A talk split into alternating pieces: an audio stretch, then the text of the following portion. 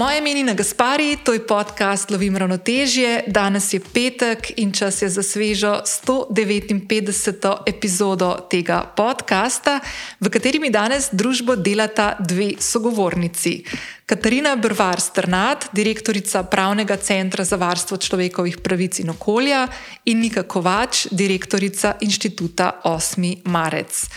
V epizodi se pogovarjamo o problematiki sovražnega govora, kako ga prepoznamo, kako se na njo odzovemo in kakšni so pravni postopki. Govorimo tudi o novi kampanji inštituta 8. marec Samo ljubezen, ki se bo osredotočala na boj proti sovraštvu in neenakostim in usmerjala pozornost v pomoč žrtvam sovraštva na spletu. S Katarino in Niko govorimo tudi o odgovornosti oseb na pozicijah moči in njihovem vplivu na širjenje sovražnega govora, pa o problematiki toksičnosti in primeru Andrew Tate ter o pomankanju odgovornosti v naši družbi. V zapisu epizode te že čakajo povezave, ki smo jih v pogovoru omenili, pa tudi povezave, pri katerih lahko Niko in Inštitut 8. marec in Katarino in Pravni center za varstvo človekovih pravic in okolja in pravno mrežo za varstvo demokracije spremljaš tudi ti. Katarina je med drugim tudi del pravne mreže za varstvo demokracije, ki je bila ustanovljena pred dvema letoma in nudi pravno podporo posameznikom, posameznicam in organizacijam, ki se zaradi nenasilnega javnega delovanja znajdejo v pravnih postopkih. In za svoje delo so junija 2022 prejeli tudi nagrado državljan oziroma državljanka Evrope, ki jo je podelil Evropski parlament. Če vam je podcast Lovim ravnotežje všeč in ga radi poslušate, potem vas vabim, da se na, na mobilni aplikaciji, pri kateri običajno poslušate podcaste, tudi prijavite. S tem meni kot ustvarjalki pomagate, da za podcast slišijo tudi drugi in da lahko na podcast povabim zanimive sogovornice in sogovornike, kot ste današnji gosti, s katerimi bom tudi v prihodnje lovila zanimive pogovore in jih objavljala v eter zate. Kot vedno se mi lahko javite, oziroma javiš na zasebno sporočilo prek Instagrama, tam se ti bom najhitreje oglasila nazaj. Vesela pa bom tudi, če boš prek svojih družabnih omrežij delila oziroma delil, da poslušaš podcast Lovim ravnotežje. Ne pozabi me označiti, da se ti bom lahko kasneje tudi zahvalila in podelila tvojo objavo naprej. Zdaj pa je čas, da prisluhnemo pogovoru, ki sem ga v tem tednu posnela s Katarino in Niko in se slišimo ob koncu epizode. Uh, dragi Katarina in Anika, dobrodošli na podkastu Ljubim Ravnoteže in zelo hvala, da ste si vzeli čas.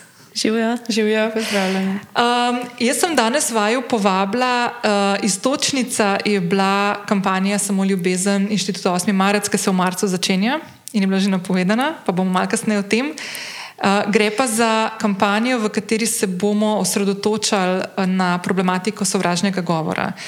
In ker se tudi meni zdi ta zadeva blazno potrebna in pomembna, da se vsi skupaj malo premaknemo v nekem zavedanju, kaj sovražni govor je, in v primerih, ko mi aktivno sodelujemo v taki zadevi in jo sprožamo ali jo prejemamo, se mi je zdelo fajn, da vaju povabim na pogovor in da mal naredimo neke take.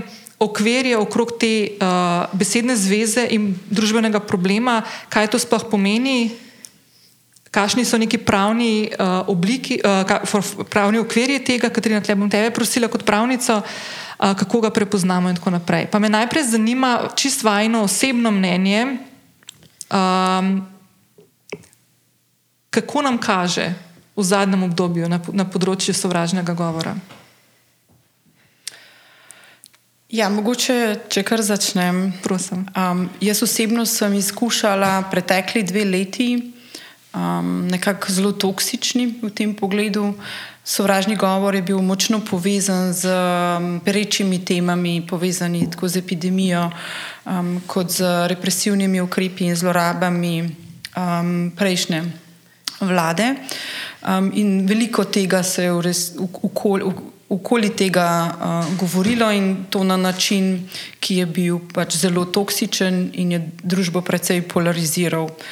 Um, bojim se, da je to nekako tudi pot, ki jo kar težko obrnemo po tem smer, um, če seveda um, nekako kolektivno in posamično tega ne ozavestimo in se odločimo, seveda, da temu ne bomo sledili, da se zopr to borimo z drugačnim govorom in da na to upozarjamo, seveda, tudi vse tiste v naši okolici, predvsem pa odločevalce. Ja, jaz mislim, da um, smo zdaj na eni točki, ko se je oblast zamenjala, ko je vlada vladala že zdaj bo dobro leto, mislim, eno leto bo hmal, um, in da imamo pogosto občutek, da se stvari so se pa spremenile. Vlada se je odločila, da ne uporablja Twitterja, odločili so se za nek spoštljiv način komunikacije. Um, kar se pa opaža in kar se je sploh opazil v zadnjih zimskih mesecih, je pa to, da čeprav ti zamenjaš oblast, neka jeza, neka nasrčenost, um, nek občutek razočaranja, um, neka agresija v ljudeh ostaja. In da um, se je je zagrizla v našo družbo. Um, to, kar se je nam recimo v inštitutu dogajalo, to, kar se je dogajalo recimo Jaši Janulu, ki je pač protestiral, to, kar se je dogajalo komorkoli, ki se je javno izpostavil, um, da te lahko nekdo ustavi na ulici, da je lahko nekdo nasilen do tebe, da lahko pride do res nekih strašljivih dejanj, je po mojem mnenju posledica tega, da je bivši predsednik vlade to s svojim načinom komunikacije normaliziral, in po drugi strani tega, da se ne zavedamo, da če se tudi neke formalne strukture pač zamenjajo, da stvari še vedno ostanejo. Kar pa meni daje neko upanje, je pa to, da večina ljudi noče te komunikacije. Se mi zdi, da smo vsi tako utrujeni uh -huh. od te neke jeze, od grdih besed, ki smo jih slišali, da ljudje želijo pač neko družbo, kjer imamo predvsem mir in kjer se imamo lepo. Ej, to, kar si zdaj omenila, bom samo eno stvar in medklic dala, da se mi je, po mojem, nekaj mesecev nazaj zgodil, da sem na enem podkastu, šla sem čez rožnik in na enem podkastu sem poslušala nekaj o bivšem predsedniku Amerike Trumpu, ker sem mu blokiral Twitter in kar nekaj je tudi zginil tako z medijskih. Um, Prvih strani. Ne? In je tako neko tako, vsaj jaz sem tako čutila, neko tako olajšanje, oh, kar nek tako globoko dih si lahko naredil, da ni bilo več tega bruhanja vsakodnevnega. Na kar se je zgodil v enem momentu sred rožnika, da posnetek njegovega glasu in nekega njegovega govora je prišel ven. Jaz sem se ustavila, naježila se mi je koža in sem padla skoraj v neko tako paniko, kaj se zdaj dogaja, gremo spet nazaj. Ne? In dejansko se zaveš potem šele, ko enkrat nečesa ni, kako globoko je v tebe zakorenjeno to, kar ti opazuješ konkretno ne, iz medijev, iz družabnih omrežij, kar prihaja v tvoje neko intimno področje, tudi če ti nisi del, del tega in ne sprožiš take komunikacije na zvan. Mm. Tako da se mi zdi ful pomembno to, kar si zdaj izpostavlja. Za me je najbolj čudna stvar, ko sem se preselila v Ameriko. Jaz sem lani, recimo septembra, prišla v New York in bila tam deset mesecev. Je bilo to, da sem vsak dan obsedeno zvečer gledala Twitter predsednika Bidna, ker sem imela občutek, da bo vsak dan sporočil, kako se moram drugače v javnosti obnašati, kakšni so nova pravila v zvezi s COVID-om, da bo pač sporočil nekaj, kar bom jaz mogla upoštevati, če ne bom kaznovana. In šele potem, ko sem tam spremljala nek nivo komunikacije, pa daleč od tega, da mislim, da predsednik Biden dela vse prav, um, mi je rad ali jasno, da v kakšnem toksičnem okolju pač mi v resnici smo živeli. Uh -huh. um, ok, zdaj pa tako, da mal naredimo premikne, da ni vsaka stvar, ki jo nekdo izreče, sovražni govor. Ne? Katarina, kaj sodi? Če lahko opredelimo in pre, kako prepoznamo sovražni govor, naprimer, če smo ga mi deležni, ali je to vsaka zbadljivka, ali je to žaljivka, ki jo prejmemo, kako bi lahko nekako tako, čist na tem pravnem področju to definirali? Ja, mogoče bi začela kar z ustavo. Uh -huh.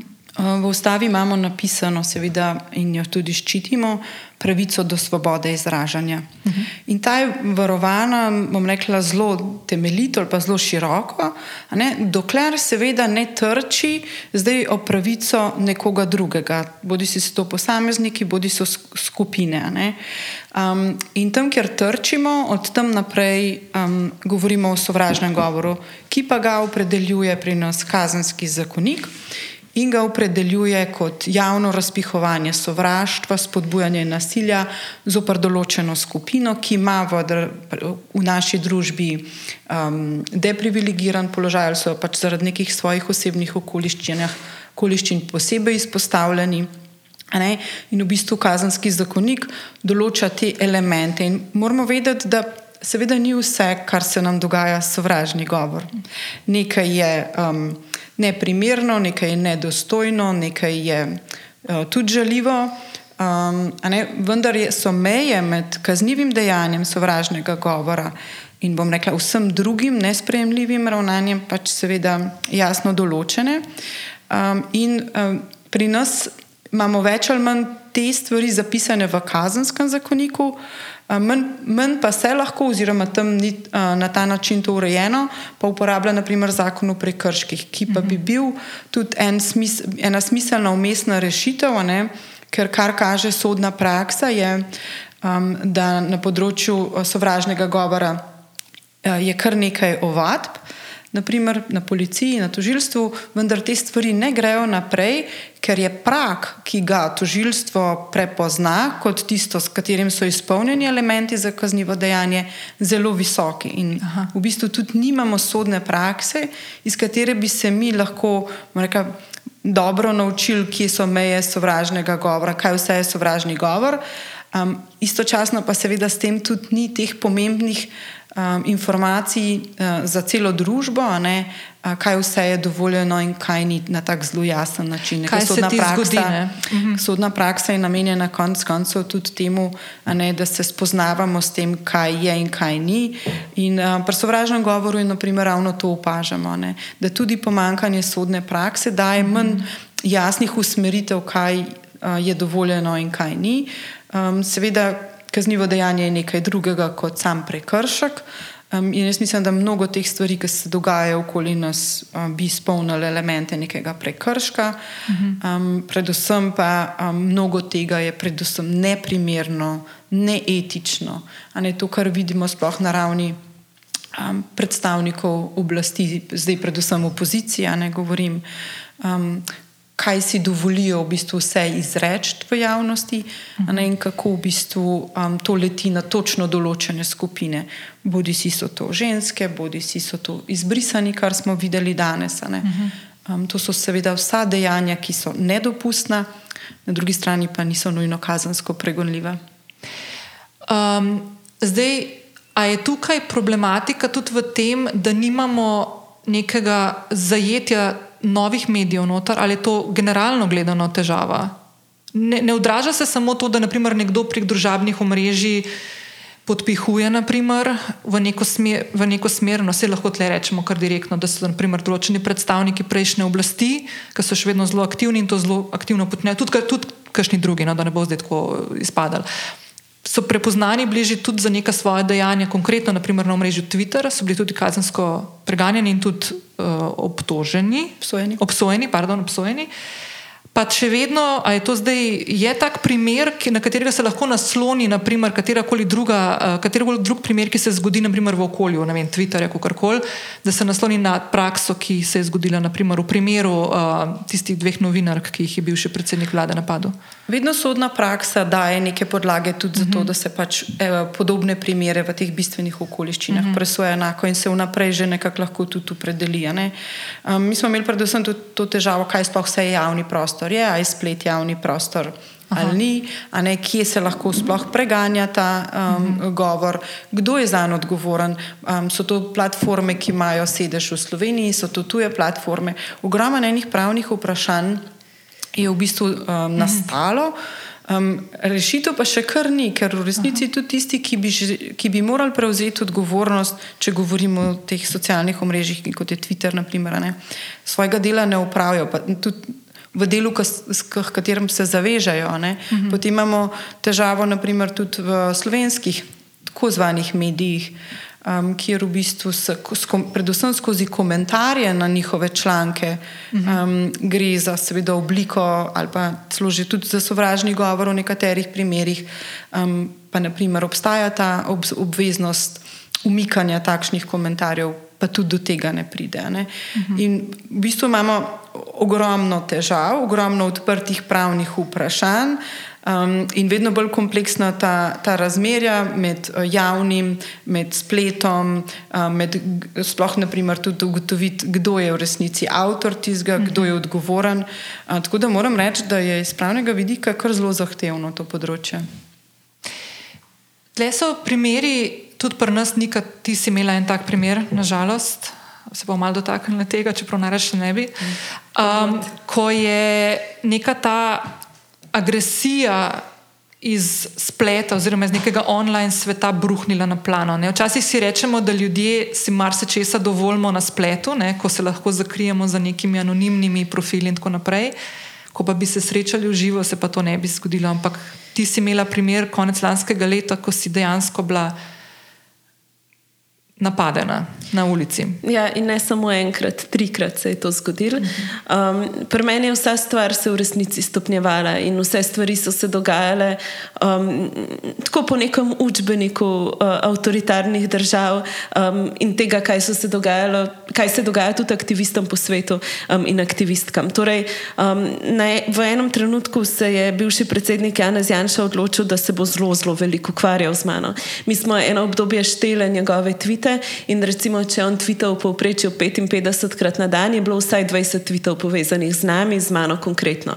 Um, imel je tudi neko bred tega, da je objavljal kolaže mojih fotografij vsak dan znova, kjer je na mojem Facebook profilu zbral različne fotke in napisal, nikako več vas lepo pozdravlja.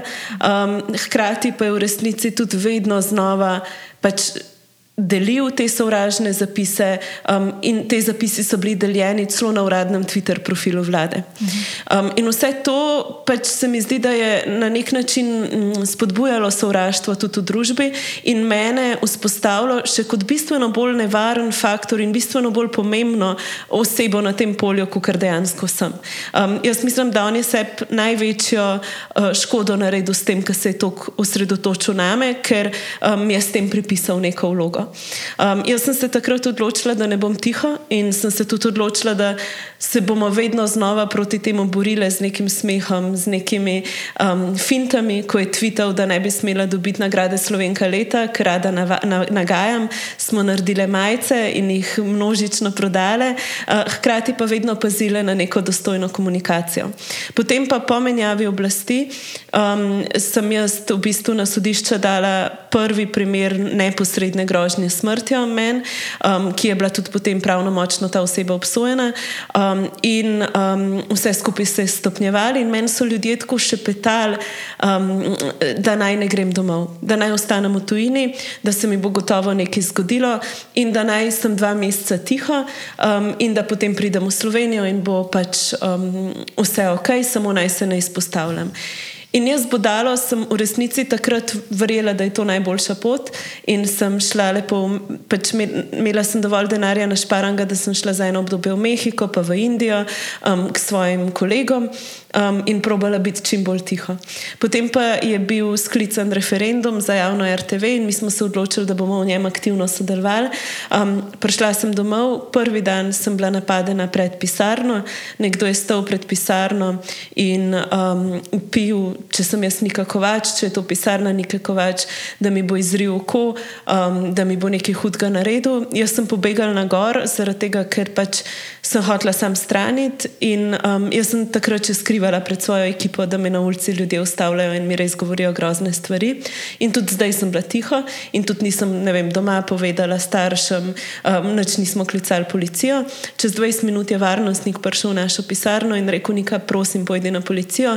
Ta gospod se vrača, govori, kje je tvoja pisarna, da ti bo nekaj hudega naredil in vse. In potem um, sem šla za Lenko, smo šli na policijo, kjer je policija dala samo prekršek motenja javnega reda in miru, kar se zelo pogosto zgodi, in jaz tega nisem vedela. In mi dve smo bile zadovoljne s tem, in nismo vedele, da bi rabile imeti neko pravno pomoč, zato da se to zadevo resno obravnava. Čez dober teden um, sem z drugo kolegico hodila po Bavarskem um, dvoru, kjer se je nekdo zatekel proti meni, upil, da bo ubil mojega psa, da zakaj izzivamo, zakaj inštitut 8. marec pač izziva, se zelo, zelo zaletel pač vame in um, spet smo šli na policijo, ker so spet hoteli dati samo motenje javnega reda in miru. V tisti stiski sem jaz poklicala Dina Bavka, odvetnika, ki je prišel in tam naredil štalo, in zato smo potem pač v bistvu te postopke spravili naprej. Um, ampak šele potem se je pa zares začela neka agonija za me. Um, takrat sem prvič zadevo dala v medije, potem smo bili še enkrat napadeni. Um, in potem, ko je zadeva šla v medije, je vse eskaliralo na res, res grozljiv način. En dan kasneje je bil objavljen članek, sama si je kriva na Novi 24. Uh, Janez Janša je izrazil dvom, da se mi je nekaj zgodil, Bojan Požar je izrazil dvom, ljudje so mi začeli množično pisati, da lažem. In um, na eni točki v resnici, ko si ti prestrašen, ko si v nekem šoku, začneš preizpraševati samega sebe. Čez tri dni se je zgodil napad Grimsa, mislim, napad.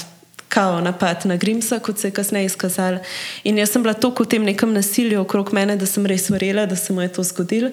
Grozna stvar, ki se je pa zgodila, je, da je s tem tudi napad na me postal neka fora. Vsi so isti, dogaja se vsem. vsem čeprav je on poslanec, nosil pač neke politične moči. Um, in postopki na policiji so bili tudi tako grozljivi, da je recimo fotografija mojega napadalca bila prej objavljena na Novi 24, kot sem jaz imela prepoznava. Iz policije so uhajale neke informacije, ki so bile pač lažnive o meni, um, nekaj čudnega se je tam zgodilo. Um, dobila vala sem tudi na policiji vprašanje, s čim sem razjezila ljudi. Pač vse skupaj, pa verjamem, da so bili pri meni še zelo pazljivi, ker sem javno izpostavljena in bilo grozljivo. In jaz, če me nekdo še enkrat vpraša, ne kot Niko Kovač, pač aktivistko, ampak kot Niko Kovač, privatna oseba, jaz obžalujem, da sem zadevo dala v medije in jo prijavila. Zaradi tega, ker tudi potem ko je bil pač storilc um, obsojen, pač še vedno ne vemo, ali je pravno močno ali ne. Um, mene nihče ni obvestil, jaz sem to spet zvedla iz medijev. Um, in ko se je izkazalo, da je Grim slagal, nihče na to ni reagiral, ni bil on ne kazensko uvaden, ne karkoli. Um, in nihče od medijev ni poročal, da je bila to strategija desnice, da zmanjša napad na me, ampak da je pač v bistvu so se pojavile neke fore o Grimsu. In vse to skupaj um, definitivno ni lahko, in je pa za nas v okviru organizacije neko pomnik, da moramo na tem še kot družba delati, ker če se je zgodil meni, kaj se šele dogaja drugim, ki nihče ne ve, kdo so. No?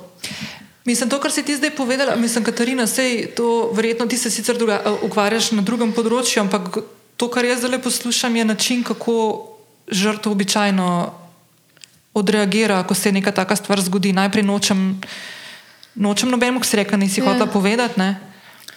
In potem. Ja, v zvezi z nasiljem pač obstaja ja. ta reka, dinamika, um, ki je nekako prisotna ja. več ali manj pri vseh. Žal tudi to, kar je zdaj povedala Nika, ne, da je izkušnja s sistemom taka, ja. da um, naslednjič se žrtev ne odloči, ja. ali morda ta žrtev svojo izkušnjo deli in naslednja žrtev tega ne prijavi. Mhm. In to je v bistvu tista težava, um, ki jo je pa še toliko teže naslavljati, ker potem ne vemo, kdo vse ima. S tem težavo, kdo vse je napaden, kako slabo se v bistvu sistem odziva na to in to tudi preprečuje. Kar pomeni, da um, se temu ne naredi konec takrat, ko je treba, to se pravi uh mhm. -huh. takoj, ne? in da um, ne zaščitimo vseh ostalih žrtev. Smo imeli pa eno dobro izkušnjo, recimo, mislim, dobro izkušnjo. Um, med referendumom za javno RTV so v enem od mest nas je klicala, smo dobili opozorilo, um, da pišejo, da če pridemo in imamo dogodek v tem mestu, um, da se bo meni nekaj hudega zgodil in da bo nek res, res hud napad se zgodil in da se moramo sami odločiti, da bomo ta dogodek izvedeli ali ne. Um, jaz sem bila takrat priznam na poziciji, da več se ne grem tega in da se omaknem, ker um, sem bila že tako psihično um, uničena, da sem videla, kako bo nekdo skočil na oder in me pač ali zaštihal ali me pretepil tam ali karkoli. Pa so moje punce rekle, ne gremo ker če zdaj ne gremo, um, bojo vedno to uporabljali, ker nas ne bojo hoteli videti. In je potem na tem prizorišču, kjer so nas lastniki prostora, ful podporili, policija lokalna je tudi bila prisotna, je bilo pač osem punc mlajših od 30 let, ki so sedeli v prvi vrsti. In jaz sem takrat pomislila, da pač res ta ekipa, čez kaj vse gre, ki so sedeli in mm -hmm. vse čas gledali po dvorani, če je kdo, ki bo kaj naredil nam. Um, najlepše pa bilo, da smo to javno povedali in da so se lokalni prebivalci množično odzvali in prišli na ta dogodek, ker so izrazili solidarnost. Mm -hmm. Tako da se mi zdi, da na koncu um, je lekcija ta, da je treba o tem govoriti, da je treba biti iskren v tem. Um, mene je tudi, recimo, Katarina je mene že v Ameriko klicala in rekla, ej, jaz sem tudi imela to izkušnjo, da imamo se pogovarjati, tukaj smo, um, da dobiš v bistvu zelo velik neke neformalne podpore. No. E, Katarina, ti si imela to izkušnjo, ko ste zaštartali s projektom uh, pravne mreže A se je to kasneje dogajalo, ali še kakšna druga taka stvar, ki bi jo mogoče izpostavljali, ali pa reč ne? Mislim, um, jaz sem to izkušnjo že v bistvu od leta 2015 naprej, ko smo v bistvu delali na odzivu na begunsko krizo.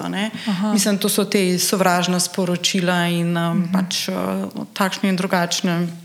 Mnenja o našem delu, uh -huh. ne na način, kot se je zgodil neki, ampak um, vse kaže na to, da ko pač javno uh, zagovarjaš človekove pravice, seveda kot univerzalne, eh, pripadajoče vsem. Tisti, ki se s tem ne strinjajo, čutijo, da imajo pravico to izraziti eh, tudi na take načine. Um, to je izjemno neugodno, tega, ker pač seveda, tako kot je rekla Nika, prej sprašuješ sebe, svojo vlogo v tem, toliko več moči potrebuješ in osebne, in seveda podpore um, kolektiva. In takrat smo se naučili povezovati. Mhm. Zato je v bistvu ena po mojih največjih uh, prednosti slovenske civilne družbe ta, um, da smo dobro povezani. Mhm. Um, smo tudi, seveda, mehne nevladne organizacije, kot v mehni državi, ponavadi um, tudi ni pogojev za velike, ampak smo zato toliko bolj povezani. In mislim, da nas je tudi to, nam je pomagati preveslati vsa ta obdobja. Um, tudi projekt Pravna mreža je v resnici projekt štirih mhm. nevladnih organizacij. Ne? In um, ko smo pravno mrežo zaštartali, sem se jaz počutila vseeno bolj varno, čeprav bom rekla, se ta sporočila niso nehala v moj inbox um, uh, stekati. Ampak je drugače. Um, smo, močno, smo pa močno povezane organizacije, imamo močno odvetniško podporo za sabo. Tako da je na ta način, vsaj iz tega vidika, lažje.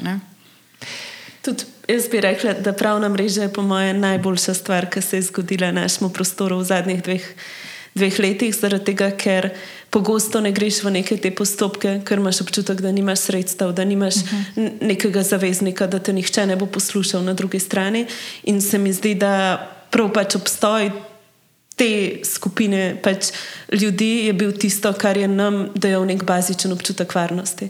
In zato mm -hmm. se mi zdi, da pač jih je vredno podpirati tako z donacijami, kot s tem, da pač obstajajo, ker brez tega jaz ne vem, kje bi danes plina. Sej v uvodu sem tudi povedala, ker sem vajno povedala, da ste tudi nagrado lani dobili na ravni Evropske unije, uh, državljanke, državljani Evrope. Ne? Ja. No, tako da ste prepoznani tudi malo širše uh, izven naših meja. No. Ja, ta model se je očitno um, je bil takoj prepoznan uh mhm. -huh. kot učinkovit.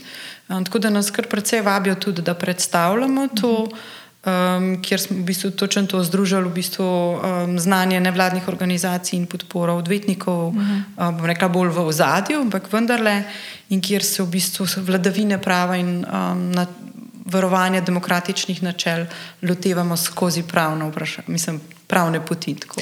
No, se ena stvar, ki ste jo zdaj dva, že parkrat omenili, ne, Katrina, ti prej, ki si govorila, da ko gre za neko.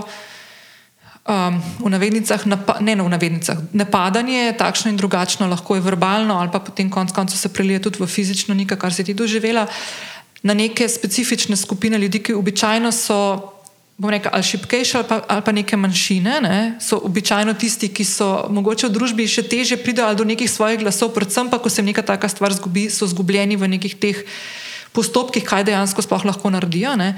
Kaj se svetuje, naprimer, če pride do tega, da je nekdo žrtev ali sovražnega govora ali pa česa koli drugega. Kaj, kaj je dobro narediti v tistem trenutku? Ker jaz, naprimer, ki zdaj vajo poslušam, ne, Z vsem znanjem, pa ljudmi, ki jih poznam, jaz tudi ne vem, kaj bi naredila. Ne? Po mojem, bi šla po zelo takih ustaljenih poteh, verjetno dolg časa tudi kakšna stvar držala sama se zase. Ne? Ja, najprej je potrebno zbrati informacije. Zdaj pač ljudje imamo različne načine. Eni brskamo po internetu, drugi poiščemo ljudi, ki nam lahko svetujejo.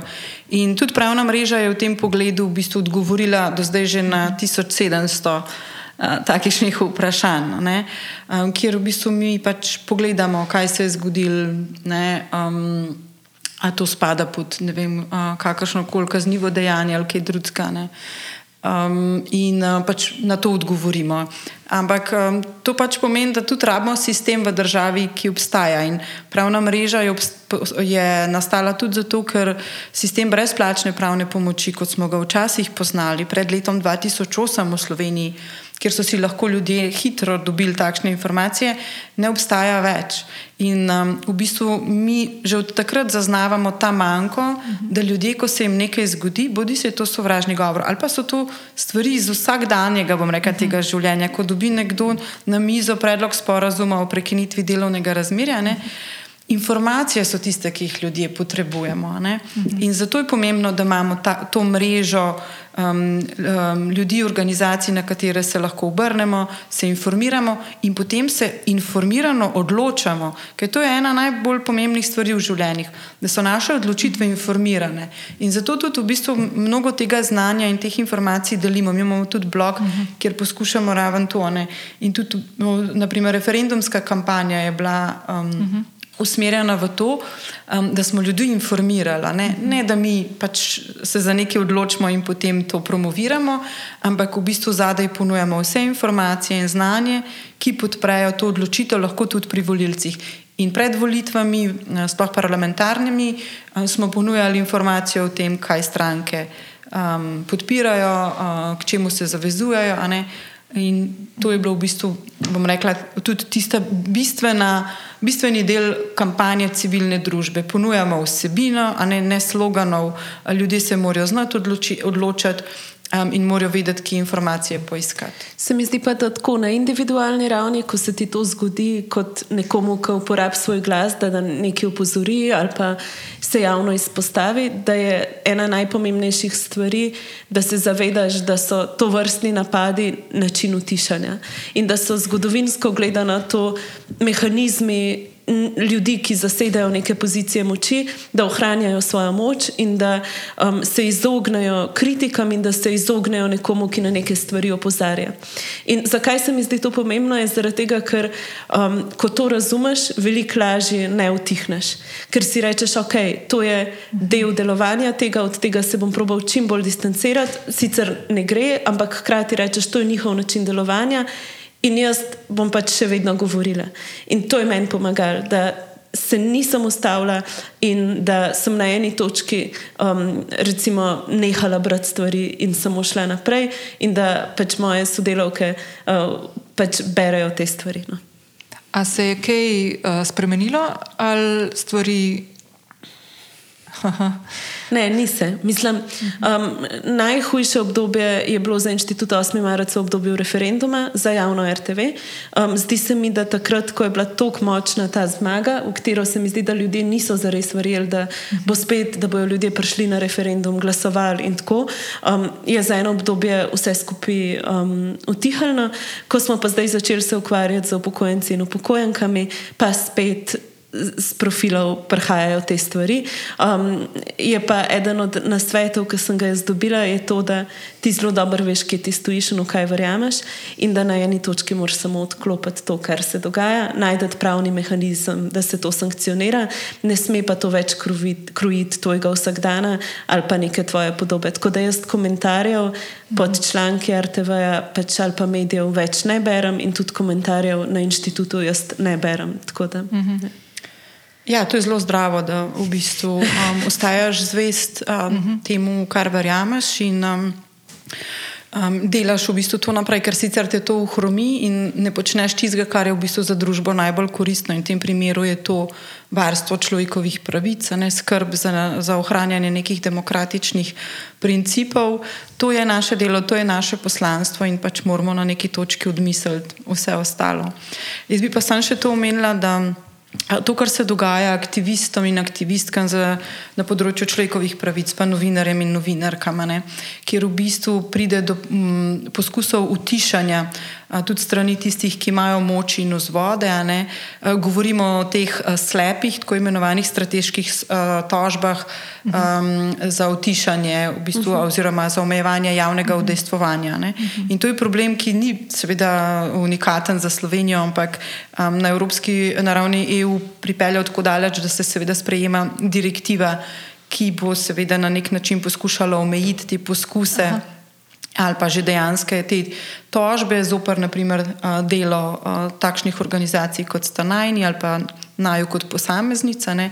ali pa seveda to, kar spremljamo tudi v drugih primerih, primoža Cirmana, uh -huh. Rudija Rizmana, uh -huh. kjer imamo pač že nekaj teh primerov v Sloveniji. Uh -huh. um, se pravi, da obstaja ne samo to, da um, gre za komentarje na na družbenih omrežjih, ne, na, na spletnih eh, medijih, mm ampak gre dejansko tudi za poskuse utišanja skozi eh, zlorabo prava in mm -hmm. pravnih poti. In da se to je zelo nevarno. Da se zasuje nekoga, neko organizacijo s tožbami, da dejansko ne more več praktično početi svojega dela, ker se ukvarja. Rok Snežič je zoper uh, Primoža -hmm. Cirmanov, že mislim, da nekaj čez 40 tožb, to se pravi vsakič, ko se je pojavil v članku.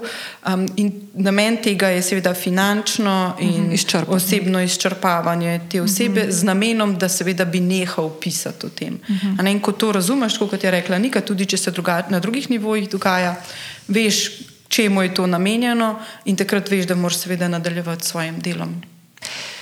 Um, ful, hvala za ta dodatek. Um, ena stvar, ki smo jo danes že parkrat omenili, je in tudi uh, um, nek temelj, na katerem sloni kampanja Samo ljubezen, ful, dobro je mesto zbrati, by the way, um, je, da se nekako, ne bom rekel, spodbuja, ampak da se v družbi postavi neko razumevanje do tega, da ljudje, pa bom dala zdaj sebe tudi zraven. Uh, da ljudje, ki imamo nek odmev v družbi, takšen ali pa drugačen, manjši, večji, širši, oži, se vse, smo toliko bolj odgovorni za to, kako komuniciramo, kako posredujemo informacije, kdaj so neke stvari naše mnenje, to, kar si prej tudi omenjala, malo se dotika, kdaj so fakti, to, kar počnete na pravni mreži, ko um, interpretirate določene stvari, ki so lahko tudi zapisani v medijih, naprimer to je bilo v primeru referenduma uh, o RTV, ko so, pojavili, so, so se pojavljali določeni medijski zapisi ali pa kolumne, ki so prikazovali drugačno realnost kot dejansko, ko je šlo za mnenje, ne za fakte in je bilo prav, da se na to obvesti voljivce in voljivke. Um, kako pomembno je to, da en primer bom dala, ki se ga fulkrat spomnim. Če ki nima veze z komuniciranjem. Ampak, če nekdo, ki je lačen, ukrade sendvič, pa ga dobijo, ali pa nekdo, ki, je, ki ima plačo, ki ima službo, ki ima nek vpliv, poslanec, minister, vse, naredi isto dejanje. Ne? Katero dejanje je? V, v pravnem vidiku sta obi enaki, ne, verjetno, ne? ampak v nekem tem kontekstu, je pa to drugače. Podobno je, naprimer, če nekdo, ki ima full velik vpliv za ledje, ko je na položaju, kot je vem, predsednik vlade ali pa predsednica države ali pa nek vpliv na vse vse. Nekaj izreče, ali pa ko to nekdo naredi, ki nima takega odmeva. To so stvari, ki so drugačne ali, ali, ali ne. Absolutno so drugačne.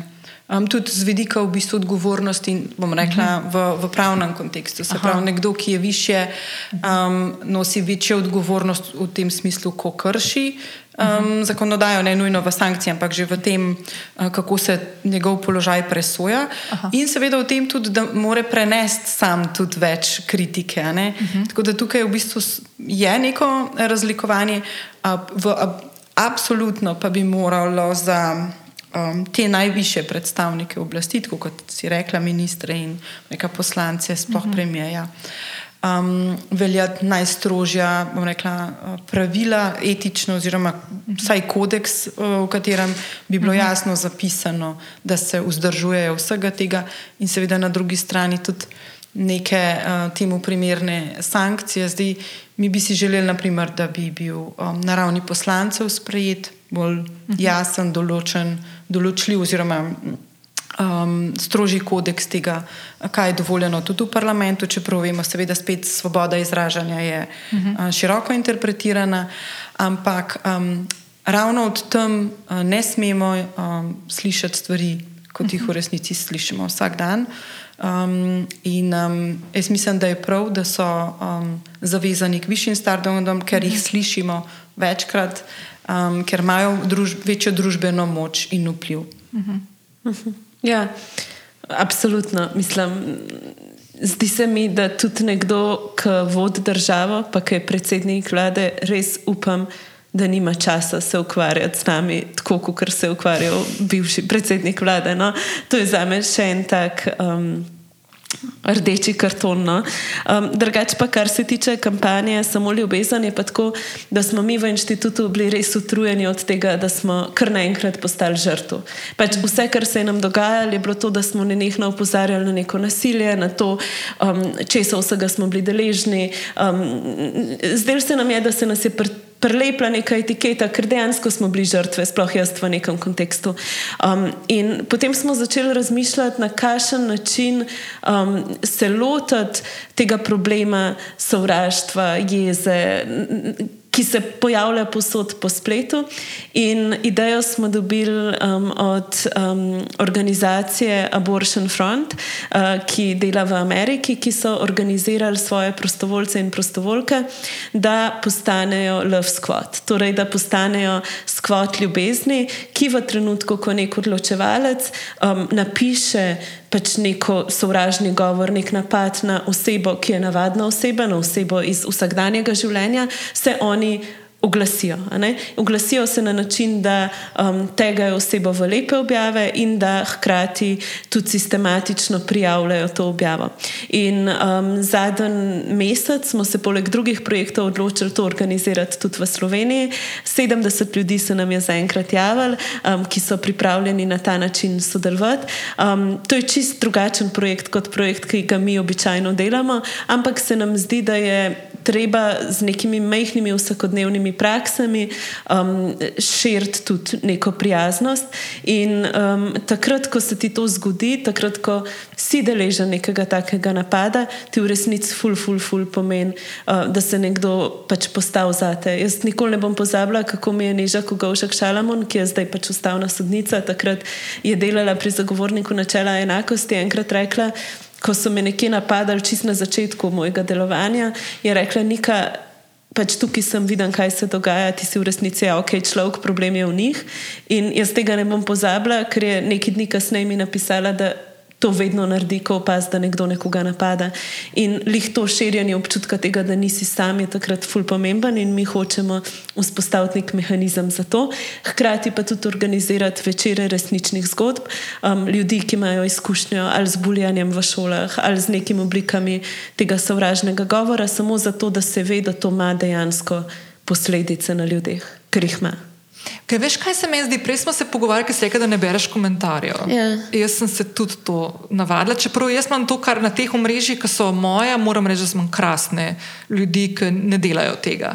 Ampak odkar pa pišem kolumne na Seulu, sem si pa sama sebi obljubila, da nikoli ne bom šla komentarjev brati. In sem se zadnjič tudi z urednikom pogovarjala in rekel, veš, problem je.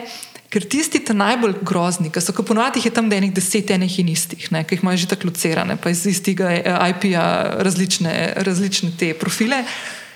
Oni so tisti, ki grejo pod vsak članek in ga komentirajo z najbolj groznimi možnimi žaljivkami. In v bistvu ne vsi ostali, ki nismo taki, bi se mogli malo navaditi, posebej tudi kakšne komentarje pisati spodaj pod članke. Mi... Mislim, da bi bilo treba prepovedati komentarje. Ali pa jih prepovedati. Ja. Ne razumem, se... zakaj bi jih. Sploh, ja. sploh če je taka količina negativnih. Ja. Ja.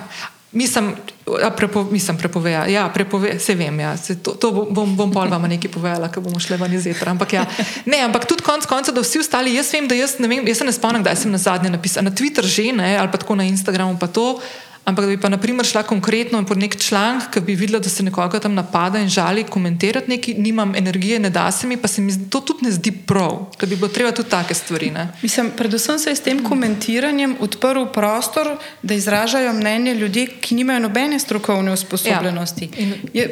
Pač, rekla bi, da nekdo, ki je poklican, da piše vem, kolumne na Sejolu, članke, strokovna mnenja ali karkoli, je zato že izkazal neko znanje in usposobljenost. Medtem ko v komentarjih dobimo, bom rekla, greznico. Um, greznico od tega in seveda so nekateri komentarji tudi čist legitimni ali karkoli, ampak ne, zakaj je treba potem odpreti prostor um, ne, tudi ja. zato, da se izliva tja um, ja. v negativizem, ali jih je treba pa pač um, administrirati in jih uh, ukinjati. Jaz mislim, da vsaj ena stvar, ki bi jo bilo treba narediti, je to, da se je treba zavedati, da zelo veliko medijev je pač podprtih z državnim davkoplačevalskim denarjem in da vsaj na teh medijih, ki dobijo podporo Ministrstva za kulturo, bi po mojem mnenju mogel biti eden od kriterijev Ministrstva za kulturo, da dejansko imajo administratorje, ki te komentarje brišejo. Mhm. Ker pač tukaj se pogosto ne gre za izražanje mnenja, tukaj se gre za to, da ti nekdo napiše, da si ogabna debela krava, ki nima pojma in da jo bo treba ubiti. Pač, Dobesedno. Ja, dobesedno. Ja. In tukaj se mi zdi nespremljivo. In to več, ne gre tudi na tvoje otroke in se mhm. sprašujejo ne, o tvojih otrocih. In to je pač seveda nekaj, kar jaz upam, da moja otroka nikoli ne bosta prebrala, mm. zaradi tega, ker bi seveda bila v groznem strahu. In jaz ne razumem, zakaj um, nekdo bi pustil sploh takšen mm -hmm. komentar gor stat. Mm -hmm.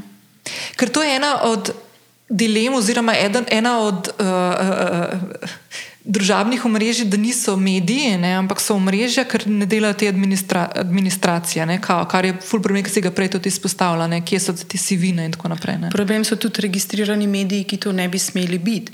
Um, zato je zelo pomembno, kako bo um, prenova medijske zakonodaje zdaj ukvirla tudi to um, kdaj se nek medij lahko registrira. Uh -huh. Jaz um, ne razumem, zakaj ima medij lahko nekdo, oziroma kako se lahko registrira medij, ki ne zaposluje enega profesionalnega novinarja. Ne, kakšne standarde lahko pričakujemo od medija, uh -huh. ki pač zaposluje vse druge kadre, ne pa novinarjev? Mislim, odvetniške pisarne pač ne more imeti nekdo, ki nima pravne izobrazbe in je pač za to usposobljen. Uh -huh. Zakaj torej uh, o družbeno pomembnih stvarih lahko piše kdorkoli? Uh -huh. Ja. Um, zdaj, malo bomo skočili ven, ampak se malo prepeljali vse nazaj na, ta, na to nespodobno komuniciranje, oziroma vpliv, ki ga imajo določeni posamezniki v politiki, popularni kulturi, kako koli. Katarina, zdaj si v zadnji številki revije Gracija imela en ful dober, uh, eno ful dobro kolumno in sem na ful vesela, ker sem se že parkrat na podkastu obregnila ob uh, Andrew Tate. In mi je bilo fulu všeč, kako si ubesedila um, pomen tega fenomena v navednicah, kot je Andrew Tate na našo družbo. Jaz lahko povem, da sem v zadnjih parih mesecih, odkar sem prvič slišala za tega modela, ker nisem vedela, dokler ni bil tle v Ljubljani in videla par posnetkov fantov navdušenih okrog njega, ki so ga snemali tle pred enim od hotelov, nisem vedela za njega. Um, sem slišala že za par fantov in par primerov v Sloveniji, kako imajo v šolah težave zaradi vpliva na otroke, ki jih ima Andrew Tate in njemu podobni, no se tle damo lahko še koga zraven.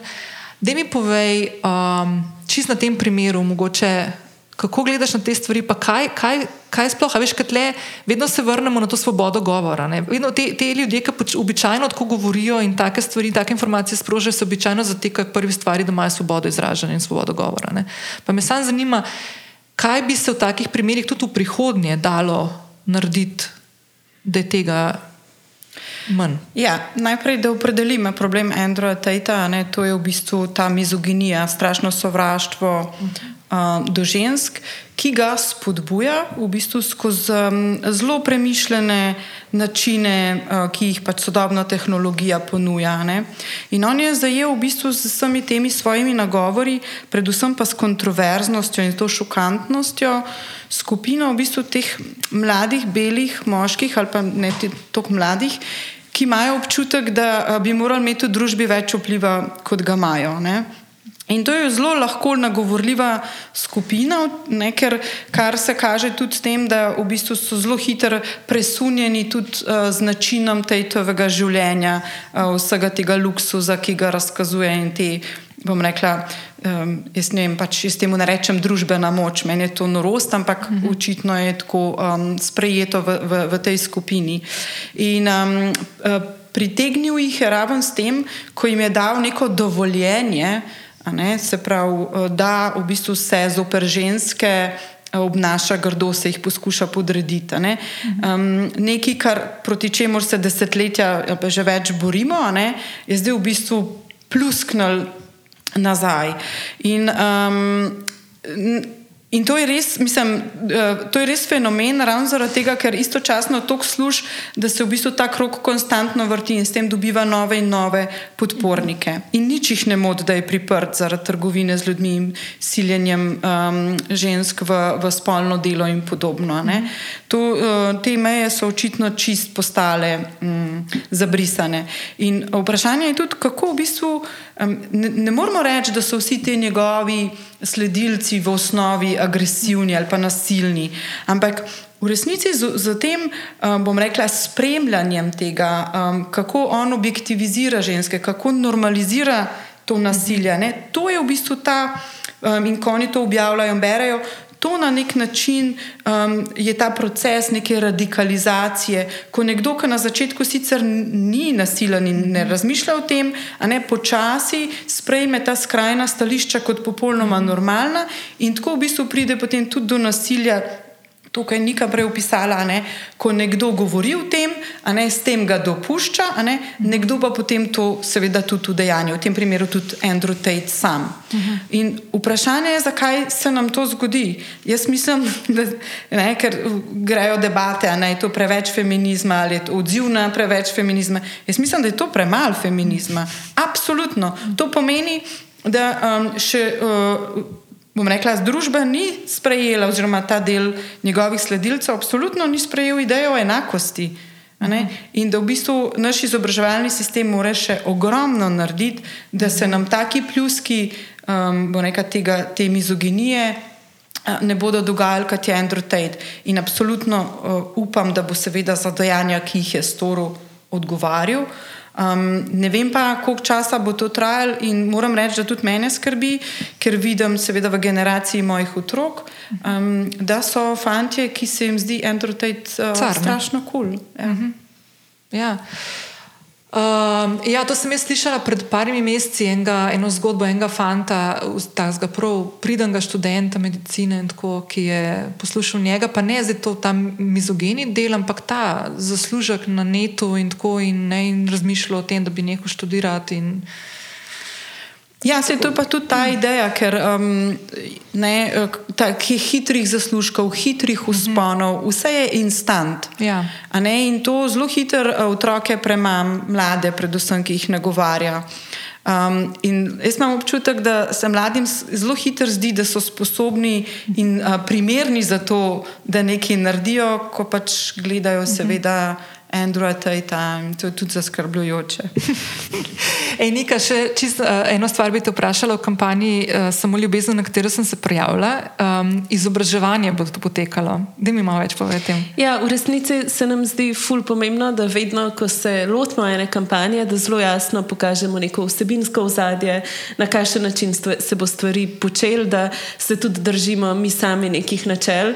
Um, in uh, to izobraževanje bo potekalo na način, da se bodo javile naše ameriške kolegice, uh, povedale, kako so one začele, uh, da bomo potem razdelili, v kakšnih primerih se oglasimo, na kakšen način, kako, kako bo potekal ta mehanizem obveščanja o sovražnem govoru um, in kakšne bodo neke dodatne um, vsebine te akcije. Še vedno zbiramo prijave na spletni strani inštituta 8. marec, tako da bomo veseli vseh, uh, bo pa po mojem eno tako prijetno druženje. Bom jaz to vse potegala, tudi v ja. zapis, tudi uh, pravno mrežo in uh, pravno, uh, pravni center za varstvo človekovih pravic in okolja, uh, odkudar prihaja Katarina.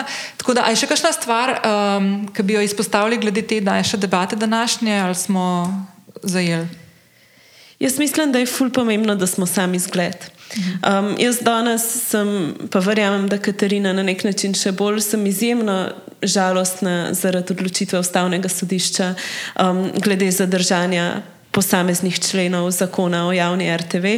Um, izjemno sem žalostna zaradi tega, ker poznam ljudi na RTV-ju, ker so postali moji prijatelji, ker mi je težko, da bojo v tem delali, da bo program naše javne televizije razpadal, ampak so me na tiskovni konferenci, ki smo jo imeli z inštitutom, v bistvu začeli sprašovati, kaj si mislimo o ustavnem sodišču. Um, a se mi zdijo te posamezniki tam primerni, da zasedajo to funkcijo, a bi kaj osebno v njih povedala. In se mi zdi, da lih v trenutkih, uh -huh. ko tudi mi mogoče zgubimo neko bitko ali pa ko -huh. je neko močno razočaranje, da ohranjamo načelno in spoštljivo držo pripoznamo, da potrebujemo institucije ustavnega sodišča in da v trenutkih, ko je težko, ne gremo na oseben nivo. Mi lahko komentiramo posameznike v procesih, ko se v njih odloča, lahko smo jezni na Boruta Pahorja iz več razlogov, ampak v tem trenutku pa se mi zdi, da mora biti lih naš zgled tudi to, mhm. da pač spoštujemo neke osnovne načela demokracije, um, tudi takrat, ko je nam to težko. Mhm. Absolutno se strinjam. In danes se je zgodilo še nekaj žalostnega, in to je, da ob nagovoru predsednice parlamenta Urške Klakočar Zopančič je poslanska skupina SDS, to se pravi nagovora ob obletnici izbrisa, zapustila um, uh, dvorano, um, s čimer je predvsem uh, so sporočili, da ne spoštujejo um, odločitev ne ustavnega sodišča, ne Evropskega sodišča za človekove pravice, ki, pot, ki sta obe institucije potrdili, seveda, da gre um, za, za zlorabo oziroma za množično kršitev človekovih pravic. Pa vendar le toliko let uh, po vsem tem, po vseh teh tragedijah, uh, tragičnih zgodbah in smrtih, ki smo jih videli, um, del um, te naše družbe še vedno tega ne priznava um, in celo zanika. Mislim, meni je tukaj še ena stvar pri izbrisanih žalostna, pa sem to lani tudi ob tej obletnici govorila. Zdaj le bo ravno uh, v tem tednu 31. obletnica izbrisa. Uh, izbrisanih je bilo, sam povedala, 25.671 ljudi. Uh, mislim, da je bilo okrog malo več kot 70 odstotkov odraslih, ostalo so bili otroci. Ena stvar, ki se mi zdi totalno škandalozna, je tudi to, da 31 let se ne naredi nobene, raz, nobenega da se naša država skupaj z nami, državljani, ki smo bili na referendumu, več kot očitno za to, da se to še naprej odvija, smo, bili, smo v bistvu kolektivno odgovorni ne? Za to, kar se dogaja, ne samo na, na ravni politike. Ne? In, uh, ja. Ja, um, kar se tiče izbrisanih, um, je še precej za, za narediti, ker absolutno uh, vprašanja povezana z izbrisom, predvsem s posledicami, m, ja. niso rešena. Tudi upravičilo predsednika republike Boruta uh mhm. -huh. Pahorja je samo eno od dejanj. Ne? To ne more biti končno in zadnje in edino. Ki ga izbrisani lahko pričakujejo. Jaz mislim, da tudi um, naprimer, uzakonitev prepovedi zanikanja izbrisa bi bila taka kolektivno priznanje, um, da se je izbris zgodil, da so posledice in da tega ne smemo pozabiti. Iz izbrisa se moramo učiti, uh -huh. ker če se ne naučimo nič, potem se nam to lahko ponovi. Uh -huh. Hvala obema za čas, pa za ta lep pogovor. Hvala za vabilo. Hvala. Hvala, Katarina, in hvala, Nika, da ste si vzeli čas in z mano poklepetali o tej temi, ki se mi zdi, da je uh, itak ful pomembna, ampak še vedno bolj pomembna postaja uh, v svetu, ki je prepleten z razno raznimi željami, da se na tak in drugačen način utiša ljudi, ki poskušajo ustvarjati lepši svet za vse nas. Um, Nika je že gostovala na podkastu Lovim ravnoteže, bom polinkala naj prvi pogovor, ki smo ga nadaljavo posneli lani pomladi, ko se mi je javljala iz New Yorka, kjer je študirala na prestižni univerzi Columbia. Um, in uh, se mi zdi tako, jaz sem blazno vesela, da imamo take posameznice in posameznike v družbi kot Stanika in Katarina, ki bijajo težke bitke za to, da lahko vsi skupaj živimo v malo bolj spodobni družbi. Uh, in mislim, da je prav, da jih po svojih najboljših močeh podpremo. Uh, lahko jih podpremo tako, da jim finančno pomagamo, lahko jih podpremo s tem, da delimo uh, njihove objave po svojih omrežjih, lahko se prijavimo na kakšno od njihovih aktivnosti in kampanj, kot je naprimer zdaj kampanja Inštituta 8. marec, samo ljubezen. Uh, gremo na njihove dogodke um, in konec koncev neke te vrednote, spodobne demokratične družbe ki temelji na tem, da se ščitijo pravice posameznikov, ne glede na to, odkot prihajajo, katerega spola so, katere spolne usmerjenosti so, veroizpovedi, rase in drugih dejavnikov, da imamo na koncu vsi enake pravice. Uh, se udejstvovati in živeti v taki družbi. In jaz mislim, da so to take stvari, ki so ključnega pomena.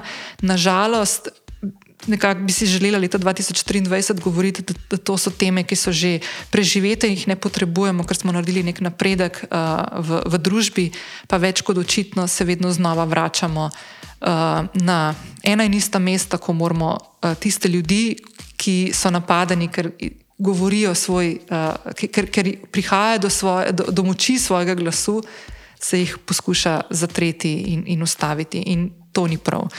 Tako da hvala vsem, ki ste bili z mano do konca. Še enkrat hvala Niki in Katarini in se slišimo naslednji teden. Ciao!